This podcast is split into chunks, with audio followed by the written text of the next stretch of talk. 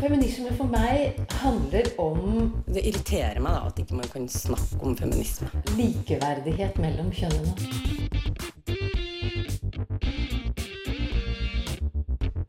Det blikket på kvinnen på film. Det handlet om å bli tatt på alvor som jente. Du hører på Kvinnesaken på Radio Nova. 10% av Norges sykepleiere de er menn.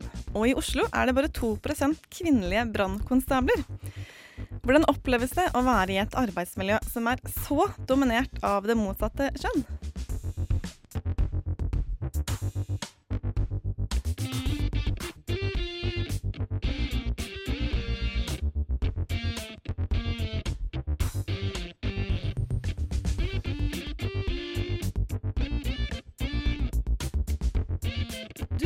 Hører på Kvinnesaken. Det gjør du jo, og klokken den er ti, og du hører på Radio Nova. Det må vi også sies. Eh, Denne mandagen, siste dagen i mars. Det er skuddårsdag. Februar, mente jeg. Ja. vi nå- ja. Og det er egentlig litt morsomt, fordi det er den ene dagen i året som kvinner kan fri til menn. Altså en dagen i hvert fjerde år, faktisk.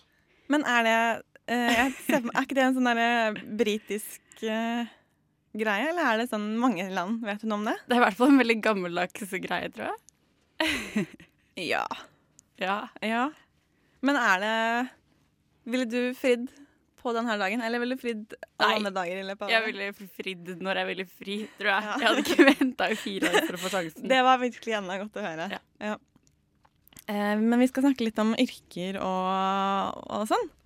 Det er veldig spennende. Eh, og det er man jo veldig opptatt av. Eh, både med tanke på sånn hvordan skal man legge opp eh, studieløpene.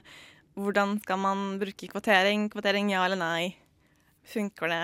Og så er det det spørsmålet om det kan si noe om noen større strukturer også. Altså, er det bare tilfeldig er- er- Ok, Man kan kanskje si at enten så ligger det i biologien, altså kvinner passer bedre til en type yrker, og menn passer bedre til en annen type yrker. Eller så er det noe med strukturene som gjør at kvinner velger en type yrker og menn en annen type yrker. Ja. Om det har noe å si for det større bildet, da. Ja, men det har jo vært veldig sånn delt alltid, egentlig. Nå er det jo ikke så delt i forhold til hva det var for 100 år siden, f.eks. Eh, så vi har jo kommet ganske langt, da. Men vi skal høre litt hva de som jobber i disse yrkene har å si eh, ganske snart. Eh, her er Summer Twins.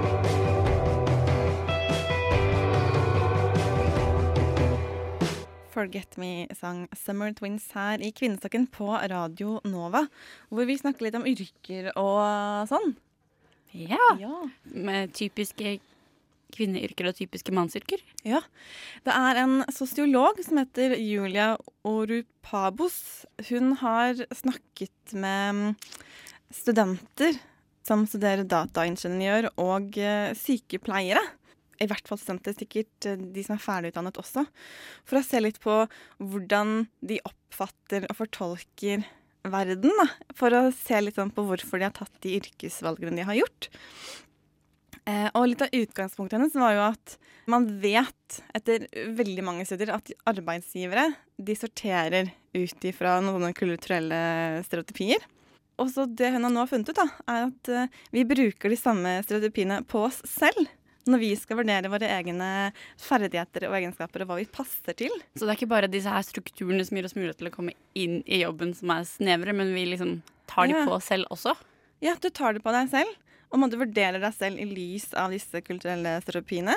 stereotypiene og opplevelsen av hvordan du passer inn i disse båsene, mener hun eh, sier noe om dine egne begrensninger og muligheter i det virkelige liv. da. Uavhengig av hva du faktisk har av evner og ferdigheter. Og det her mener ligger litt i sånne idealer om krav og forventninger. Eh, og så lager man sånne symbolske eh, eller ja, sånne tanker, da. At en sykepleier er veldig omsorgsfull, f.eks. Eh, mens en eh, dataingeniør er litt mer sånn nysgjerrig, leken eh, IT. Smart og fiks og Smart og fiks og det. Ja. Så hvis du føler at du er litt sånn Hvordan passer du inn i det bildet? Og hvis du ikke passer helt inn, så velger du kanskje noe annet, selv om du har evnene og ferdighetene til å bli en dataingeniør. Ja, Man skulle tro at det meste er ting man kan lære seg også. ikke sant? Det Ja. er ingen som er en ferdig dataingeniør eller sykepleier. Men det som også er veldig interessant, da, det er at eh, de som, menn som studerer eh, dataingeniører, eller for å bli det, eh, de har liksom sånn forhistorie Da de var så interessert i teknikk og data og IT sånn, når de var små. Mm. For å liksom De har alltid vært der. Mens kvinner som også har hatt de samme interessene fra de var små, de er litt mer sånn Nei, det bare hørtes gøy ut. Ja. ja, det jeg tror er litt typisk, er at det er sånn Å, se på han gutten, han er så utrolig interessert i tekniske ting. Det er veldig få som sier om jenter, og jeg tror det skal ganske mye til for at eh, små jenter får liksom muligheten til å være interessert i tekniske ting. Altså at man Det er ikke noe man snakker om når barn er barn. Nei, jeg lurer på hva man egentlig snakker med om når det gjelder barn. Det er veldig sånn ja, Skal du bli lærer, du, kanskje? Eller sykepleier? Det er liksom det man sier til jenter, tenker jeg. Kan du høre, da, hva barn selv ønsker å bli når de blir store? Vet du hva du skal bli når du blir stor? Um, bygger. Bygger. Hvorfor det? Fordi at jeg liker å bygge ting. Men jeg vet ikke helt. Mm, en lege. En lege. Hvorfor det? For grunn av mammaen min vil det. Jeg, jeg, jeg skal fortelle deg hva jeg vil jobbe med. Jeg vil jobbe med Maren.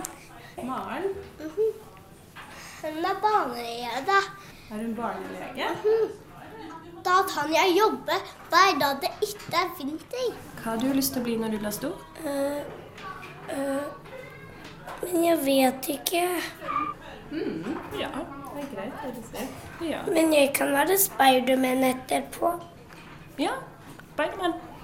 Jeg har Spiderman-kjole. Ja, kult. Du mener fint. Jeg vil bli en, en kunstløpsskøyter.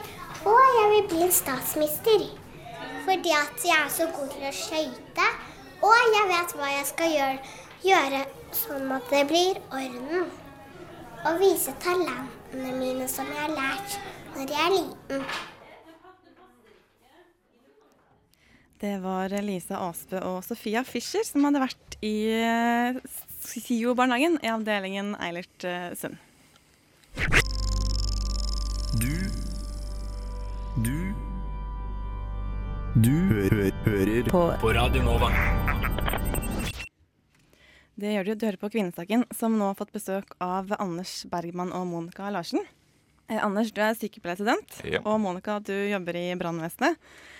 Og jeg lurer litt på, særlig du som jobber i brannvesenet, Monica. Hvordan er din vanlige arbeidsdag? Ja, eh, min vanlige arbeidsdag blir jo i grunnen bare å vente på at eh, alarmen skal gå, at vi får ut og hjelpe folk med det de måtte trenge hjelp til. Så det Så må vi holde alt utstyr og alt i orden i, innimellom. Så det er travle dager, og så kjører vi litt ut og hjelper samfunnet når vi trenger det. Men jeg leste at i Oslo så er det bare 2 eh, som er kvinner i brannvesenet. Ja. Er du da veldig, veldig ofte eneste kvinnen på jobb?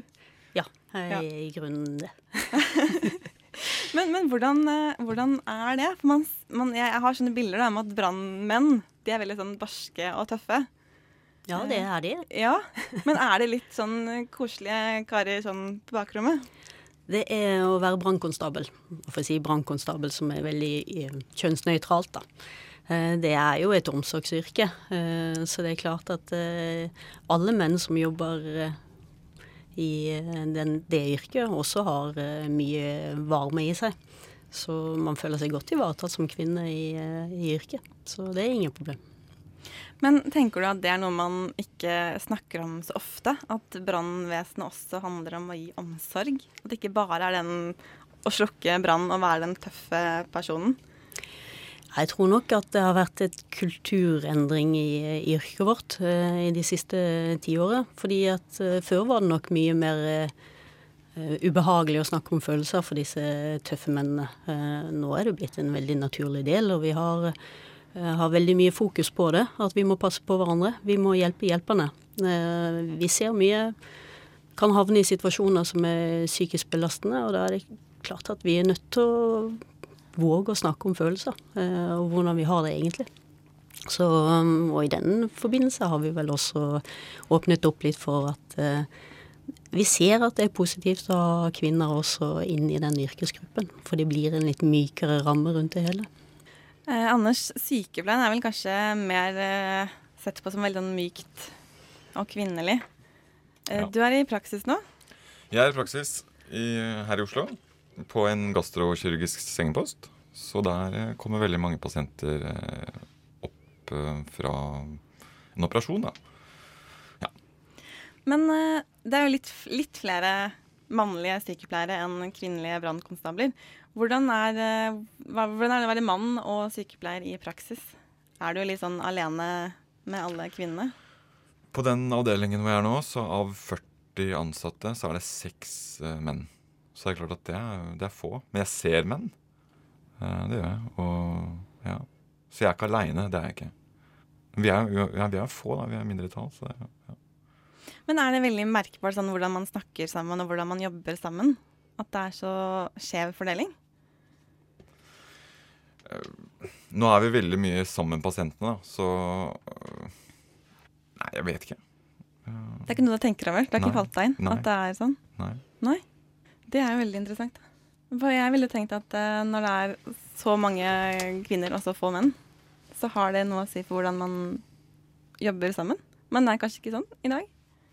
Det er klart at Hvis da 50% hadde vært menn, da, så ville kanskje stem, man, stemningen ville kanskje vært annerledes. Men, men uh, Men man er vel kanskje mest for jobb for å gi omsorg, og da er det det som er eh, ja, så er vi, vi er veldig mye inne hos pasienten. Og, og ja, så den Det er mer en sånn pasientrelasjon jeg, og enn når jeg går til den kvinnelige sykepleieren som er på en måte min kontaktperson da, den dagen, så, så, så er jeg for å stille faglige spørsmål, og da spiller egentlig ikke noen rolle om det er en kvinne eller mann, fordi svaret er det samme.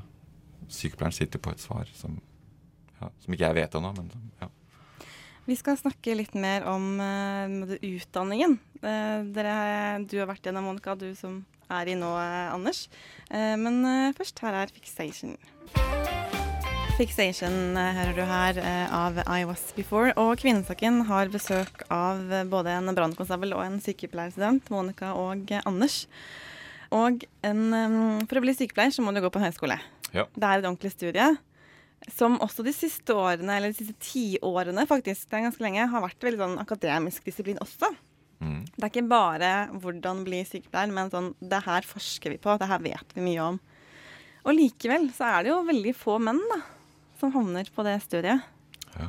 Ja, Og så har jeg lest at det er veldig mange som faller av. Det gjelder både kvinner og menn, men det er ekstra synlig når mennene faller ut av studieløpet sitt. Ja, det, jeg har ikke noe godt svar på hvorfor det, men uh, når jeg valgte det yrket, så visste jeg, jeg visste jo ikke hva en sykepleier uh, hva, hva det innebar, eller hva en sykepleier gjorde, eller ja. Så jeg, Men likevel så havnet du på det studiet. ja. Og det handlet om at, uh, at uh, det trengs sykepleiere. Både kvinner og menn, men, men, men uh, Og det var noen som fortalte meg at dette her på en måte Her kan du få jobb, og det er mange muligheter. Og det, hvis du får en jobb som sykepleier og bytter avdeling, eller bytter sykehus, eller går fra spesialisthelsetjenesten til kommunehelsetjenesten, så kan du ha eh, to vidt forskjellige jobber. Da. Så det er mange, mange muligheter. Men du nevnte i sted at du ser menn når du er på jobb. Ja. Ja. For det er noen som har kommentert at i studiet så er nesten all pensumlitteraturen er skrevet av kvinner, og det er kvinner som underviser, og det er veldig mange kvinnelige veiledere. ja. Er det din opplevelse også som student? At det er veldig sånn kvinnene er overalt Ja. i studieløpet? Det, det er det. Men uh, det er ikke noe jeg har hatt noe problem med. Det er ikke noe jeg har tenkt over at uh, Ja. Nei. Nei, du har, ikke, du har ikke tenkt over det? Nei, men Det eneste, jeg- eneste jeg tenkte over når jeg begynte på det, at det, det, jeg husket at det var noen eldre sykepleiere som da her igjen på høyskolen, som er litt sånn, var litt av den gamle skolen. Så den, den hang litt den derre der sykepleien, den derre omsorg og eh, sykepleiens eh, grunnlag og ja. Men, men, men sykepleie er så, så veldig mye annet da enn bare, bare pleie og omsorg. Det blir vel litt sånn som du, Monica, sa i stad, at brann- brannkonstabler også er et omsorgsyrke. At sykepleie også er eh, et uh, yrke som man må kunne mye, og som man må være veldig fysisk i også. At det er ikke så ensidige yrker som man kanskje har sett for seg alltid. Nei, og man må ikke komme inn og ha liksom varme hender og liksom Ja, og være den derre Jeg skal være for deg her. eh, Nei. Men tror du det er litt lite fokus akkurat som det er lite fokus på at brannkonstablene også er omsorgsfulle, så er det litt lite fokus på at sykepleiere er noe mer enn bare omsorgsfulle. Ja. Det er litt ensidig hvordan man fremstiller disse yrkene. Ja, det, Sykepleierforbundet har kommet ut med en sånn kampanje nå med ny om, om høyere faglig kompetanse. Og, og, det, og det er det jo det det er på skolen. Når du, når du tar en bachelor, så, så, så, så går man ikke rundt og, og pleier hverandre. Det er ikke det man gjør. Man, man studerer, og man tar fysiologi og anatomi. Og, ja, det er vanskelige fag, og det er vanskelig. og Det er, det er liksom, ja, Det er krevende. det er krevende. Ja. Det kan jo være grunnen til at mange menn faller av. At det, at det krever mer enn man kanskje Ja, trodde i forhånd. Høyt snitt og ja, det er ikke så ja. Det er ikke så lett å bare seile gjennom som man kanskje ser for seg. Nei. Nei. Det er litt annerledes uh, i brannvesenet. For da må man først få lov til å jobbe som det, og så kan man bli en brannkonstabel. Ja, det er riktig det. Eh, I brannvesenet så i Norge så er det per dags dato sånn at eh, du må være ansatt eh, i et brannvesen for å gå på brannskolen. Og da er det løpet sånn at man gjerne blir ansatt, og så blir man sendt på kurs. Enten internt, at man har intern opplæring av de man ansetter. Og så er det noen kurs som er obligatorisk, som eh, grunnkurs, da, som eh, man eh, må gå for å bli godkjent røykdykker. Jeg har sett på internett i sånne her forum som det er så veldig mye av, at noen sier at det er veldig vanskelig å bli kvinnelig brannkonstabel fordi det er så fysisk krevende. Men er det noen fysiske tester eller noe for å bli ansatt for å starte på studiene, eller hvordan er det? Ja, som, sa, eh, som sagt så må man jo være ansatt i et brannvesen, og da er det jo en vanlig ansettelsesprosess. eh, Og de fysiske kravene kommer allerede der på opptaket. Mm. Og det det er klart at det, det skal koste litt, grann, for det er tross alt en litt krevende jobb eh, vi skal ut og gjøre. Men, eh, men allikevel så ser jeg jo Nå er det jo veldig lett å dra paralleller til, til sykepleieryrket, da. Hvor eh, i og med at vi sitter her nå med samboer, og der er mye tunge løft der òg. Og det er klart at eh, det er ikke nødvendigvis så fryktelig mye tyngre. Eh, Vi jobber i team eh, som brannkonstabler. Vi er fire eller fem på bilen, i hvert fall på min stasjon. Og da må vi ta et tak alle sammen for, for å løse de oppgavene vi får. Så ikke nødvendigvis de aller tyngste løftene. Eh, Det som er tungt, det er jo å være på røykdykker. Det å være inne i brann og, og redde folk ut, det krever litt grann fysikk. Ja, hele kroppen eh, må være Hele kroppen og helst liksom. hodet også, Ja. ikke minst. Det er det viktigste. Eh, Vi skal snakke litt mer om dette med å være litt fysisk i sitt yrke, men eh, aller først her er Trickle Trickle. Trickle Trickle Trickle. her i Storgen, nei, i Kvinnedagen på Radio Nova. Eh, og eh, Monica og Anders, dere er på besøk. Og Monica, har jeg prøvd å finne litt ut av dette med hvordan man blir en, eh, en brannkonstabel, og er kvinne, så er det litt sånn fokus på at det er så fysisk. Det er fysisk test for å komme inn, og det er fysisk å være det. Um, men når man eh, spør ja, skal man fire på kravene, så sier alle kvinner i brannvesenet nei, det skal være likt for kvinner og menn for å bli en, eh, en brannkonstabel. Men er det så fysisk som man legger opp til at det skal være? Eh, Selve arbeidsdagen er ikke så veldig fysisk. Jeg tenker at det er naturlig å sammenligne seg med sykepleien som sitter her nå. De går og trasker hele dagen og hjelper pasienter opp og ned og løfter og, og hjelper på det. Det gjør vi i brannvesenet også. Vi, vi bruker kroppen hver dag.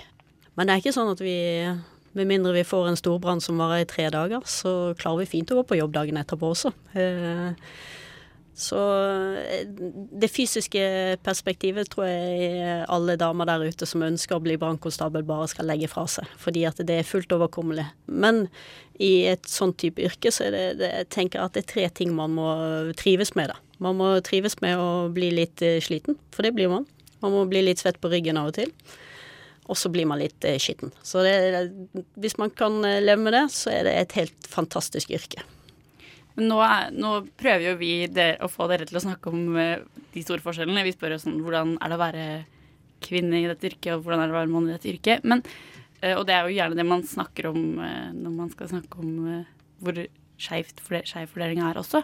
Men hvordan Altså, dere sier at dere egentlig ikke opplever det som eh, noe særlig problem, hvis jeg forstår dere riktig. Men er det veldig mange som blir overraska når de hører hva slags eh, yrker dere har eller studerer? Ja, for det er vel fortsatt eh, langt færre kvinnelige brannkonstabler enn det er mannlige sykepleiere. Det må vi vel si. Eh, politiet er vel de som har kommet lengst i den eh, fordelingen der. Men eh, jeg syns det er trist da, i 2016 å få en Hva, er det mulig? Kvinnelig brannkonstabel? Det, det Jeg håper jo at vi ganske snart får bort det fenomenet, da. At Ja. vi fortsatt blir at vi er likestilt på, eh, på alle måter i forhold til det. Og det er derfor det er så viktig. Nå snakket vi om det i pausen her. Det er derfor det er så viktig også dette med de fysiske kravene. At det, det å begynne å fire på kravene for å få ansatt flere kvinner, det blir litt motsatt sin effekt, da. Det, vi ønsker jo å være likestilt med de gutta som er på jobb, selv om vi vet at kvinner har eh, litt fysiske begrensninger, tross alt. Men, men når vi først har kommet inn på samme, samme linje, så tenker jeg at da er man mer inkludert og, og akseptert på, fra starten av. Vi burde jo nesten bare si sånn selvfølgelig kan du være en kvinnelig brannkonstabel. Det er ikke noe rart i det hele tatt, tenker jeg. Så kanskje man kommer lenger i den prosessen med å at kvinner eller jenter søker også. Og det kan, samme kan egentlig gjelde sykepleiere, kanskje. At det ikke, at det ikke er så rart og sensasjonelt, liksom. Og så tenker jeg, eller jeg har lurt på en ting. fordi når det gjelder kvinner i helseyrker, så er det veldig fokus på at man skal tilrettelegge for at eh, kvinnene skal være mødre og ha en familie i tillegg. Men jeg opplever ofte at det er ikke så fokus på når det gjelder menn i omsorgsyrkene. Som om de ikke er like stor del av familien. Og når det gjelder f.eks. brannvesenet og politiet, hvor det også er eh, Du jobber på natten og du jobber på kvelden, du jobber i helgene, du jobber i alle helligdager. Så er ikke det noe man snakker om. At man skal tilrettelegge for at flere kvinner skal kunne kombinere jobb og arbeidsliv. Men eh, hva tenker dere? Er det egentlig den viktigste debatten? Dere har jo ganske lik arbeidstid, egentlig. da. Selv om dere Kan man ikke si det? Sånn skift, begge to. Jo, mm, jeg har, nå så har jeg to, to dagvakter og to kveldsvakter. Og så, nå, nå er jeg i studietid, altså praksisen er litt annerledes, men, men eh, vi har begge deler. Så Jeg opplever at vi har en arbeidsgiver som er veldig eh, positiv til det å tilrettelegge for, for familieliv, uavhengig om man er mann eller kvinne. Så, så for mitt arbeidssted så er det i hvert fall veldig bra ivaretatt, da. Så det er ikke den viktigste, det er ikke der debatten skal starte? Nei. Jeg tror faktisk at debatten bør være på at folk må få velge det yrket de vil, uavhengig av kjønn og dominanse i det yrket man ønsker seg. Det tror jeg er en bra utgangspunkt. Det var jo en veldig bra finale, da. Ja, Det var sånn. si det. Superkonklusjon. Tusen takk, eh, Monica Larsen og Anders Bergman. Kvinnesaken. På Radio Nova.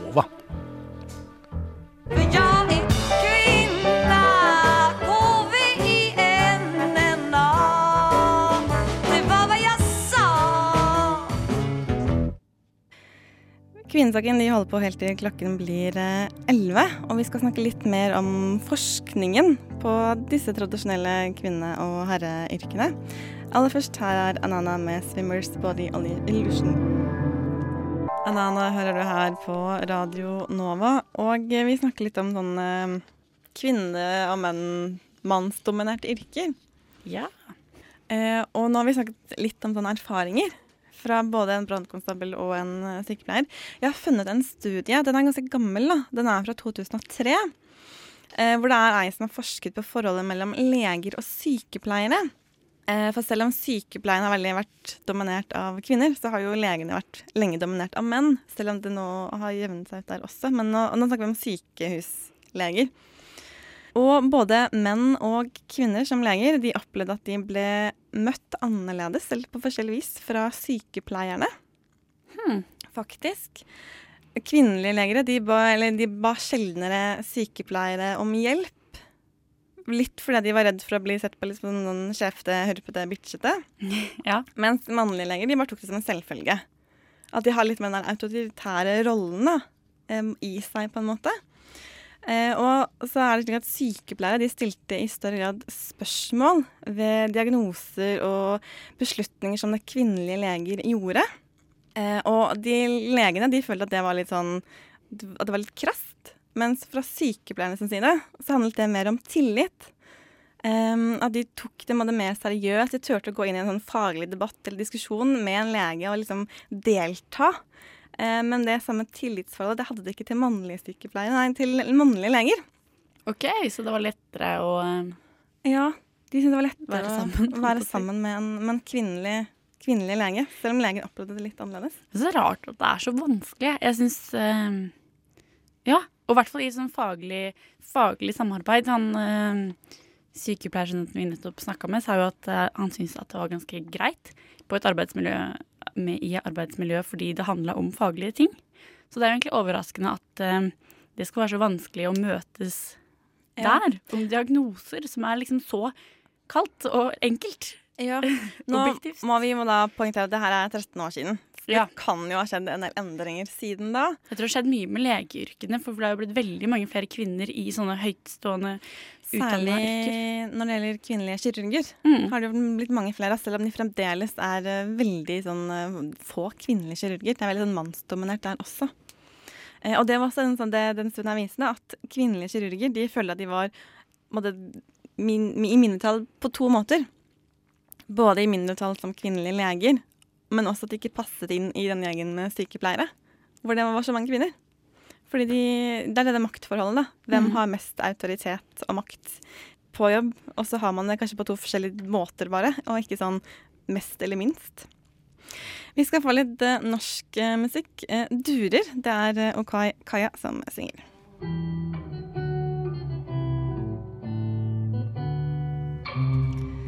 Okai Kaya synger 'Durer' her i Kvinnesaken på Radio Nova.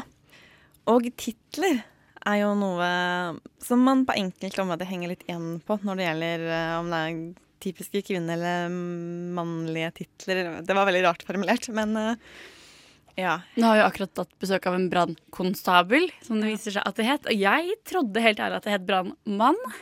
Når var det det ble fjerna? Du hadde tall på det? Var det 19? Eh, jeg, jeg, egentlig bare sa jeg tall, men det er på slutten av Eller rundt slutten av 1980-tallet, starten av 1990-tallet. Ja, det var det er ganske ganske var- lenge siden det er ble en lenge sånn kjønnsnøytral tittel der. Jeg tror det konstabel. skjedde en, enda lenger siden, faktisk. Fordi på slutten av 80-tallet så man, fikk man den første kvinnelige brannkonstabelstudenten. Og jeg er ganske sikker på at det het brannkonstabel allerede da. For det som er så rart, er jo at det fortsatt finnes sånne her yrker som het, er liksom ukjønnsnøytrale, Ja. å si. Vi har jo jordmor og helsesøster. Og så har man også rådmann og lensmann. Så der er det vel endra altså politi Jeg tror ikke politimann lenger, men når man kommer høyere opp da, og er lensmann, så må man være lensmann. Og Venstre har foreslått nå å, å kutte ut de her og kun ha nøytrale yrkestitler. Og den agendaen som de har hovedsakelig der, er å få flere menn inn til helseyrker. Fordi det er veldig få menn i helseyrker, og vi trenger ekstremt mange menn til helseyrker. Som f.eks. til å bli helsesøstre og jordmødre. Og at det kanskje da kan være vanskelig, da. Ja, særlig når det heter helsesøster. Ja, jeg skjønner det jo kjempegodt, den argumentasjonen her. Det burde være åpenbart å ha sånn nøytrale yrkes... Altså, Vi kan jobbe så mye vi vil, men hvis vi skal kalle det helsesøster og si sånn Ja, ja, men det er kjempegreit å være mann og være helsesøster. Ja. Kan vi ikke bare bytte det først, da, så virker vi litt mer Men overbevisende? altså, jeg er så veldig sikker på at uh, for å bli helsesøster, så må du først ta en sykepleierutdanning. Som man har kommet litt lenger på uh, når det gjelder akkurat det. Man får litt flere menn inn, og så tar man en videreutdanning, og da heter man ikke lenger sykepleier, men helsesøster. Ja. Ja. Og det er sånn som du sa i stad når vi snakket litt om det før sending, at eh, det er jo selvfølgelig mange gutter eller menn som sliter også, og som sikkert vil gå til helsesøster. Men der også skrur det jo litt. Det blir jo noe veldig kvinnelig og feminint når det er jenter som går til helsesøster og spør om p-piller, liksom. Ja. altså det er kanskje noe med hele greia, da. Eller pakka, som blir litt skeiv med sånne her eh, ikke-nøytrale yrkestitler. Så det blir spennende å se om kanskje Venstre får det forslaget gjennom. Ja. Det, tenker, det, man har gått fra å ha liksom, partiformann til partileder, så kanskje man har noe sånn ombudsleder eller noe sånt noe? Ja, vi har ganske mange nøytrale, men jeg syns at vi kan få gjennom de siste også. Det burde egentlig være en selvfølge. Det burde egentlig vært en selvfølge. Det er helt, uh, helt klart. Eh, vi skal snakke litt om sånn eh, symboler og tegn ganske snart. Emojis. Ja. Eh, men først, det her er Ali. Ally. The Phone da med Ali her på Radio Nova. Da eh, Vi fikk en artikkel, vi. Ja. Tilsendt. Kjempespennende. Veldig spennende. Ja. Vi kan jo prøve Vi kan gjøre en test. Så med mindre du kjører en bil akkurat nå, så kan du jo prøve å ta opp mobilen din og trykke fram emoji-tastaturet Ja. Og se på de som er der. Fordi jeg har ikke tenkt på det. Jeg vet ikke om du har tenkt på det? Nei, Ikke heller. det. Det som faktisk er greia, er jo at det ikke finnes noen sånne nøytrale kvinnelige emojier. Eller smilefjes, eller hva man skal kalle de. For i hvert fall på mitt emoji-tastatur, så er det Så kan kvinner være brud, playboy-bunny, danser, eller jobbe som sånn informasjonsdesk-person, eller er prinsesse. Men kan være brannkonstabel, som jeg har lært det heter nå. Julenisse, politikonstabel, vakt, bygningsarbeider, detektiv. Og så er det veldig mange av de sportsmenneskene som er menn også. Så de får de seriøse yrkene, Ja. kvinner får de sånn jentegreiene. Ja, kvinner får de her jenteyrkene. Altså, jeg ville mye heller vært eh, brannkonstabel eller politikonstabel enn playboy eller playboy. Ja, det er liksom det som er, da. Altså, det, greit at det er én mannlig brannkonstabel, men Playboy Bunny som liksom motstykke er ganske far-fetched, da. Eller prinsesse også, for så vidt. Så jeg vet ikke, det er ganske rart. Det er Techmic, nettsiden som melder dette her. Og de, de sier annet at det er veldig, en stor del av et veldig stort kulturelt språk, de emojiene. Så det bør kanskje tas mer, mer seriøst, da. At det er jo egentlig ganske problematisk. Ja. Det er jo ikke så gøy hvis du jobber i politiet som kvinne og skal si sånn ha-ha, politi på jobb, og så nei, jeg må sende en, en mann, mannebilde, eller ja. Og det som er litt funny også, er at de emojiene er jo blitt ekstremt politisk korrekt i den forstand at du kan velge liksom mellom fire eller fem forskjellige hud, hudfargetoner. Men man kan ikke velge om man skal ha en kvinnelig eller mannlig brannkonstabel. Det burde jo gå an. Det burde virkelig gå an. Men det har vært samme greie med Lego. Det er veldig få måte, kvinneansikter, eller sånn kvinnelige Lego-figurer som er type dommere og sånt. Det er alltid en mann. Ja, det er ikke tenkt mannlige uniformer og, og litt sånne ting. Også når man har sånne pakker, så er det veldig sånn tøffe mann. Men, Ja. Mens jenter er litt mer sånn prinsesse. Prinsesse og hest og sånn. Ja. Ja. Her er eh, Verdensrommet med Skien. Verdensrommet er bandet, og de synger Skien. Med, og det er da med Chris Holm. Kvinnesaken er egentlig litt sånn ferdig nå. Litt sånn ferdig, ja. Ja, litt sånn ferdig. Eh, De som har bidratt til denne sendingen, det har vært Lisa Aasbø og Sofia Fischer. I studio har du hørt Eline Hystad og Lina Therese Rosenberg, og tekniker har vært Åse Ava Fredheim. Og eh, på torsdag så skjer det noe veldig gøy. Da skal vi ut av studio. Ja, vi skal til biblioteket her på Chateau Neuf og snakke litt om 8. mars. Mm -hmm. og hva det er for noe nå for tiden. Hvorfor krangles det alltid om? Hva er egentlig greia? Hva vil vi egentlig at det skal være, da? Ja. Det er klokken 19. Eh, kom gjerne og bli med oss på denne sendingen. Og hvis du ikke får det med deg, så kan du høre den på lufta neste Neste mandag. Ja. Takk for oss, skal vi bare si det? Ja, vi gjør det. Ja, Det her er Else, eh, 1979.